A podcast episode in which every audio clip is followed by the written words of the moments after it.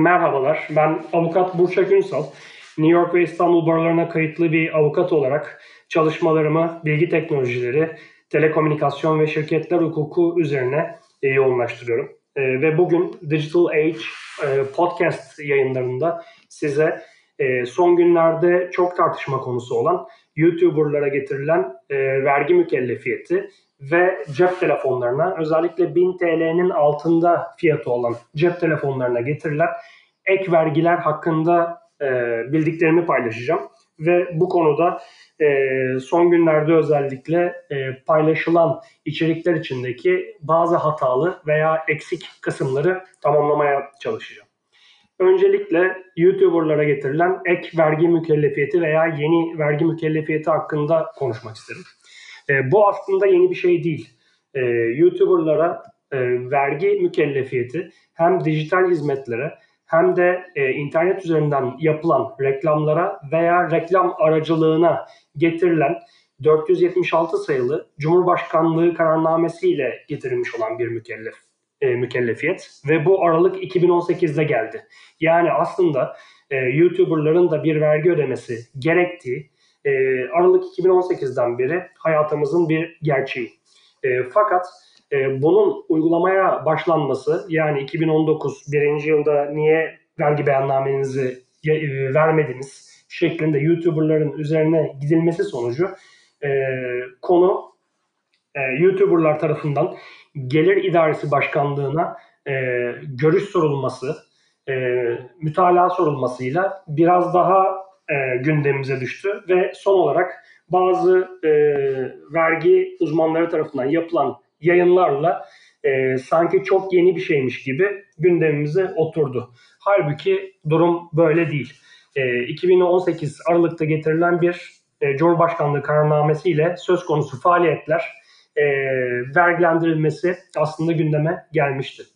E, bundan sonra bir YouTuber'ın Gelir İdaresi Başkanlığı'na yaptığı başvuru sonucunda Gelir İdaresi Başkanlığı e, bu konuda bir e, mütalaa verdi. Bu mütalaa da e, 2019 e, tarihinde verilmiş olan bir mütalaa ve bu mütalaada e, belli başlı bazı vergi oranları e, bu mükellefiyete tabi olmak için e, bir yaş sınırının üstünde olma gerekmemesi gibi bir takım şeylere açıklık getirildi. Buna göre e, bir YouTuber 18 yaşından küçük olsa bile e, bu ticari vergi, ticari kazanç vergisi olarak değerlendirildiğinden e, vergi mükellefi sıfatına girebiliyor. Çünkü gelir idaresi, gelir e, e, vergi usul kanunundaki 7 gelir tipinden bir tanesini teşkil ediyor. O da e, ticari kazanç vergisi. E, ticari kazanç vergisinde ise yaşa ilişkin bir istisna olmadığından 18 yaşından küçük bir YouTuber bile e, bu vergiyi ödemekle mükellef. E, bu vergiyi ödeme mükellefiyeti tabii ki e, bir normalde beyana tabi. Fakat beyana tabi olmasa bile veya beyanınızı vermeseniz bile e, banka hesabınıza e, reklamı veren şirket tarafından veya e, YouTube tarafından yapılan bir ödeme tespit edildiği zaman bu doğrudan doğruya gelir reklamdan kaynaklı gelir e, kategorisine girdiği için e, bir vergiye tabi olacak. Söz konusu Gelir İdaresi Başkanlığı e, mütalasında bu meblağın %15 olduğu yazıyor.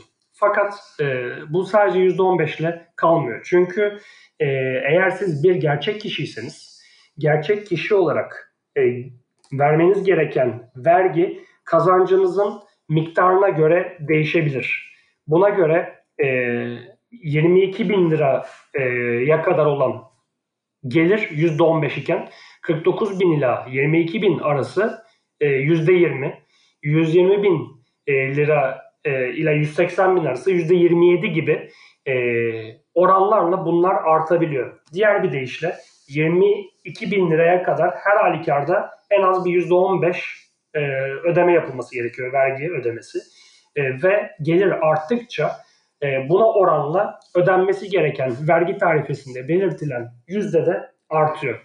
Şimdi Bu %35 gibi, %38 gibi rakamlarsa buna eklenecek olan KDV'den kaynaklı olarak artıyor. Mesela %18'de böyle faaliyetler için e, düzenlenmesi gereken bir fatura olduğundan buna da %18 KDV eklenebiliyor. Fakat eğer YouTuber e, gerçek kişi yani şahıs şirketi olarak değerlendirilmeyip de bir limited şirket olarak faaliyet gösteriyorsa veya bir anonim şirket olarak faaliyet gösteriyorsa 2020 için geçerli olan kurumlar vergisi de buna eklenecektir. Bu da %22'dir. 2020 itibariyle bunun oranı. Yani e, diğer bir deyişle her ne kadar son bir haftadır bu konu gündemimize bomba gibi düşmüşse de aslında e, son 6 aydır özellikle Gelir İdaresi Başkanlığı'nın YouTuber'ların faaliyetini ticari kazanç olarak değerlendirmesi, buna ilişkin bir yüzde zikretmiş olması ve bu konunun e, ilgilileri tarafından e, yapılan başvurular neticesinde bazı profesyonellerin konuyla ilgili bir takım beyanları bunu gündemimize sokmuştur. Hepimizin bilmesi gereken e, kısa gerçek şudur. Eğer e, YouTuber veya influencer marketing dediğimiz e, bir birey olarak YouTube'dan, Google'dan belli bir e, içerik e, ücreti alıyorsanız, yani içeriğiniz çok seyre- seyredildi, e, bunun sonucunda ona bir takım reklamlar verildi ve bu reklamları Google tahsil etti. E, Google bu reklamlar üzerinden size belli bir oranda para ödüyor, hesabınıza gönderiyor ve bu sizin açınızdan bir ticari gelir teşkil ediyor.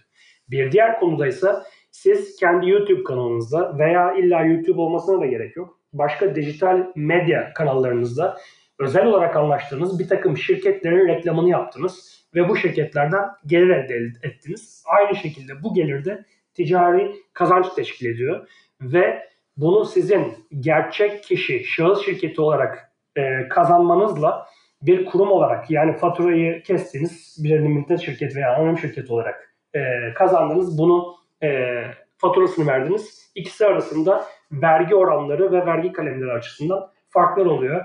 Ve artık bu %15 mi olur, %20 mi olur, e, %18 buna KDV eklenir e, gibi, e, stopaj eklenir gibi meseleler de bu işin içine girdiğinde oranlar %35 olabiliyor, %27 olabiliyor, %40'a kadar çıkabiliyor.